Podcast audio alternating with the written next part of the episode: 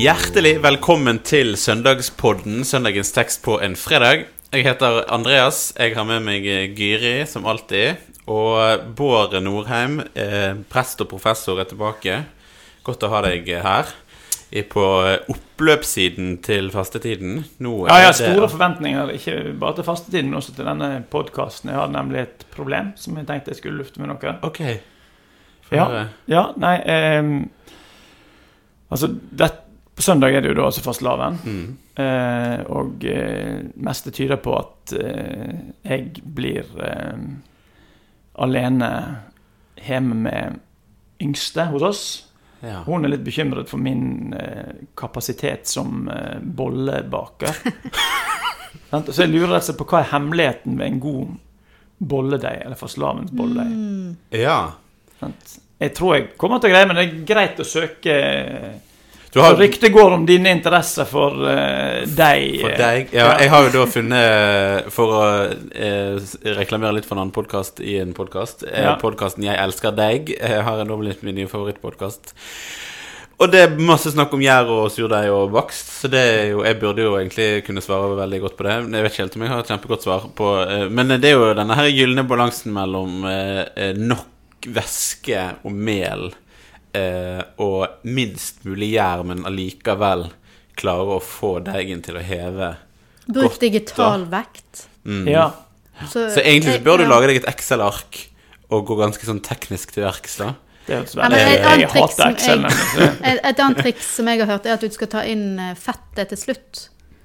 Så kutt opp eh, ter smøret i terninger. Mm. Ja. Ha det romtemperert. Ja. Ha det i slutten av eltetida. ja. For det fettet ødelegger glutennettverket, tror jeg, litt. Grann. Ja. Sånn at uh, Og så er jo da Jeg kjenner at jeg begynte å nynne på den gode gamle sånn fjernsynsjacken.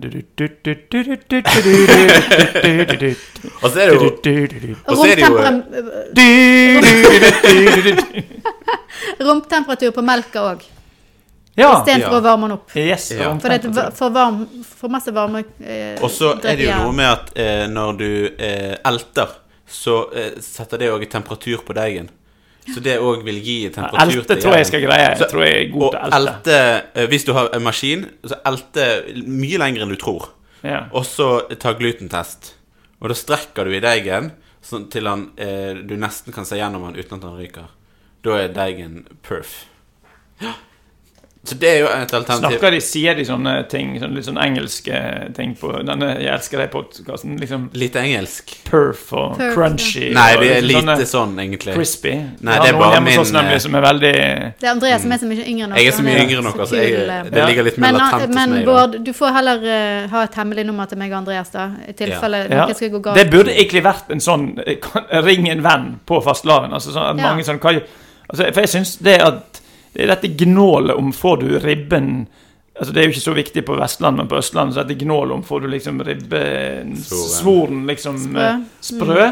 Men Det er kjempeviktig. Men hvem hjelper oss som vil ha fyldige fastelavnsboller til eh, Syns du det er lite sånn kvelden før kvelden? Nei, jeg synes det skulle være sånn kvelden før kvelden. Yes, det Kanskje, kanskje vi skulle ha et sånn eh, frivillig opplegg med Ikke Ammehjelpen, men, men Gjærbakst-hjelpen. Vi får Ja. frivillig medarbeider. Meg Det og syns jeg Andreas vi skal. starte. Ja, det var en god idé. Mm. Du, er du, føler du deg klar for Jeg å bake kunne vært en eh, på brukersiden der. Veldig bra. Det er bra. Men føler du at eh, hemmeligheten bak eh, bollebaking har liksom eh, kommet litt, eh, blitt litt mer oppklart for deg nå? Ja, Åpenbart mer og mer. Spørsmålet er jo, det er åpenbart veldig godt poeng. Nei, spørsmålet er om det da er en hemmelighet. Sant? Altså Når dette kunngjøres i, i podkaster, og jeg kunne sikkert googlet og, og fått instruksjonsvideoer på YouTube, da er det jo kanskje ikke noe hemmelighet. Sant? Så Da er det jo Nei. mer et munnhell når jeg sier at hva er hemmeligheten med. Men for en hemmelighet er jo ofte noe eh, For, for de av oss som Den elsker hemmelige- nynorsk, så er det jo Ja. Så heter det jo hemmelighet. Det heter jo Løgndom har Løgndom har du lært deg, Ja ja. mm. Og det eh, tyder noe som er løgnt. Sant? Som er skjult Mm. for oss. Sant? Så hvis en løgndom ikke lenger er løgnt, så er det kanskje ikke Så bollebaking er egentlig ikke løgndom? når Ja, det er jo det til jeg har sett eh, Hvis denne- ikke det er en sånn hemmelig ingrediens. Det er jo noen som er veldig sånn Ja. hemmelig med oppskriftene sine. Nei, jeg Ja. deler Ja, ikke mine sånn. oppskrifter. Sant? Ja, de har litt sånn ekstra kanel i ja, Vi sto i kø et eller annet bakeri, var det i Lom, Lom? ja. Ja, sånn det, Det er jo en av de mest kjente bakeriene i Norge. Ja, jeg er klar over det. eh, sant? Dere i kø for å kjøpe brød der? Ja, eller boller, da. Det var det jeg tenkte. Brød kan jeg få altså, Hva boller vi vil ha? Mm. Jøss, sukker. Men hadde de en sånn hemmelig oppskrift? eh? Nei, men du, blir, du lurer jo på om det er det de har. Sant? Men Ja. samtidig så er det jo sikkert mer penger å tjene etter hvert på å gi ut bøker eller andre ting med disse hemmelige oppskriftene. Ja, ja. Sant? Så det, hva er en altså, Hemmelighet er kanskje ikke det det en gang var. Nei, det er noe med det. Og så har du sånne hemmeligheter. Jeg vet ikke om dere leser Apropos påske, så er det jo mange som ser, ser påskekrim, og kanskje leser påskekrim. Da er det jo denne her drømmen om Altså den perfekte krim er den der du nærmer deg slutten, og så Ah, selvfølgelig. Sant? Eller for, perfekt for forfatteren, og for, kanskje også for leseren. Der det lå noen clou ute, men det var, det var andre ting som talte så sterkt at du ikke så den Det, altså det ble løgnt for deg, for lyset var så sterkt på andre ting at du overså noen viktige detaljer som var helt avgjørende for å løse gåten, på en måte. Eller forstå hva som kom til å skje. Mm. Det er gøy for leseren òg. Det er gøy for leseren òg. Ja. Ja, eh, spennende å snakke om eh, dette her. Jeg eh, gleder meg til å høre om voldene dine når de, den dag kommer. Og så må vi nesten få lest den teksten som vi skal snakke om her. Og der er jo òg på en måte ligger det jo en sånn skjult Eventuelt hemmelig åpenbaring etter hvert ligger jo her, da. Du skal få lese, Gyri. Ja, det står Lukas 18. Han tok de tolv til side og sa til dem, Se, vi går opp til Jerusalem, og alt det som profeten har skrevet om menneskesønnen, skal gå i oppfyllelse. Han skal overgis til hedningene og bli hånt og mishandlet og spyttet på, og de skal piske ham og slå ham i hjel. Og den tredje dagen skal han stå opp. Men de skjønte ikke noe av dette. Meningen var skjult for dem, og de forsto ikke det han sa. Før vi eh, går helt sånn løs på, på akkurat det som står her, så eh, kan ikke du hjelpe oss litt, Bård, med å bare plassere Vi er ganske seint i Lukasevangeliet, uh, men det er på en måte før Det er jo før selve påskeuken begynner i, i evangeliene. Kan du bare plassere, hjelpe oss å plassere Hvor er vi? Ja da, altså her har det jo vært et eh, I forkant av dette et raid av lignelser hos Lukas. Altså Lukas 15 er jo kjent med tre lignelser, som er alle disse tapt og funnet-lignelsene. Og så dukker det opp noen nye lignelser utover i 16, 17 og ikke minst i 18. Sant? Og alle de lignelsene da, i forkant der handler om himmelrik, og forstå liksom hva, hva innebærer Jesu komme, på en måte. Hva er dette for noe? Uh, og så har du den, denne, Dette er det omtalt som at det er tredje gangen Jesus uh, taler til disiplene at han skal dø og stå opp igjen.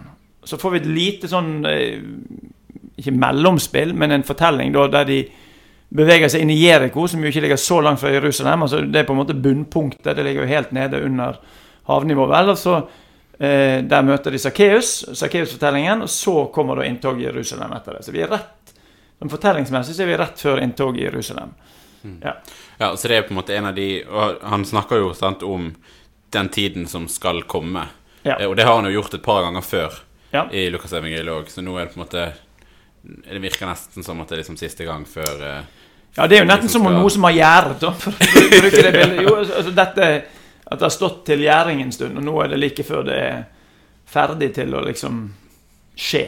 Ja. bakes. Ja. Ser vi gå opp til Jerusalem? Jeg tenker Det bare på sangen. Da tenker vi på sangen. Altså, Jeg visste ikke at det var et en sånn direkte sitat. Nei, da tenker vi på Se, vi går opp til Jerusalem. Som en gang var nummer 128 i den gamle salmeboken. Men jeg vet ikke hva det er. I hellige fastetider. I hellige fastetider. Ja, sant? så Ja. det er fastesang. Det er starten på fastetiden. sant? Mm. Eh, så, så her er det jo helt tydelig at Jesus vil forberede disiplene på at nå kommer det ikke bare et taktskifte, men en radikal eh, Ikke kanskje en endring, men en fokusering av hva Jesu oppdrag på jorden handler om. Ja, og her på sant, atter en gang så forteller han om det som skal skje, og disiplene forstår det ikke. Nei. Eh, Det er jo noen gjenganger i veldig mye, eh, veldig mye av det Jesus når Jesus snakker med disiplene sine, er at de, på en måte forstår ikke de fulle og hele av det han sier. Mm. og så har han jo en litt sånn eh, Altså For å ta disiplene litt i forsvar, så har han jo en litt innfløkt måte å prate på innimellom. Med å Ja. snakke om seg sjøl i tredjeperson og sånn. Ja, Menneskesønnen, tenker du på. Menneskesønnen, ja. Ja. Men de har, er vel kanskje kjent Ja, han sier jo ikke 'jeg', sant? Han, Nei. jeg, men eh, Men er de kjent med menneskesønnen? Konse altså, altså det begrepet? Det, hvis de hadde gått uh, fulgt med på søndagsskolen, sagt, så skulle de vært det. Altså det, uh, det fortellingen om, sønne, uh, om menneskesønnen er jo særlig fra Daniels bok som et sånt endetidstegn. Jeg tror Daniel 7, 14 eller noe sånt. Så, så, men at Og Jesus har jo identifisert seg som menneskesønnen tidligere. Det som kanskje kan være verdt å merke seg her, er jo at dette hemmelighets, denne hemmelighetsfortellingen det er jo noe som er tydeligst i, hos Markus. Markusevangeliet. Og her forskningen for en tid tilbake, altså en stund tilbake, på tysk mark, omtalte jo det som das Messias-geheimnis, altså Messias-hemmeligheten. Og at hele Markusevangeliet var bygget opp rundt denne her, eh, hemmeligheten som en ikke skjønte før Jesus hang på korset og døde der. Og det var den romerske soldaten som den første som bekjenner sannelig han var Guds sønn. Mm. Så det, alt andre som skjer før, er liksom spor på veien. Men det er litt sånn som denne krimromanen. At det som på en, på en måte lå åpenbart der, det skjønte de ikke. Mm. Eh, og der er jo det er grunn til å tro at eh, Lukas og Matteus har lånt av Markus. Eh, men Johannes gjør dette annerledes. Der er det jo en slags sånn overtyre i starten med denne prologen der veldig mye av ting fortelles i starten. Først gjennom en sånn poetisk start i prologen, mm. og så gjennom at Johannes døperen sier 'Se der Guds lam som bærer verdens synd'. Veldig tydelig. Og eh, ting Allerede i Johannes 4 så sier den samaritanske kvinnen eh, at han er verdens frelser, f.eks. Mm. Så dette er jo Her sier jo Jesus tydelig til dem at han skal stå opp på den tredje dag. Mm. Men allikevel så virker det ikke helt som det synker inn. Jeg får nesten en følelse av litt sånn fornektelse, da, på en måte. Ja, altså, eller, at, eller, at, Jesus skjuler det for dem med vilje, eller liksom vil han at de mm. skal forstå det? Eller, eller Ja, det er litt vanskelig å skjønne hva som er Jesu intensjon, og hva som kan være en forfatters intensjon her. Mm. Eh, men eh, eh det som er, i hvert fall er klart, er at det virker som disiplene, selv om de ble tatt til side, har blikket festet på noe annet enn det som eh, Jesus forteller. At, at, det er klart, De er jo stappfulle av inntrykk, får vi tro. Sant? De har jo vært med på ting som de noen år tidligere ikke i sin villeste fantasi hadde kunnet forestille seg at skulle skje. Mm. Så at de nå liksom skal Det er lett for oss som lever etter korset og oppstandelsen, å se at ah, Han sier det jo til dem, hvorfor skjønner de ikke det? Mm. For det er jo helt klart at hvis en hvis du hører at en venn skal gå gjennom dette forferdelige her, sant?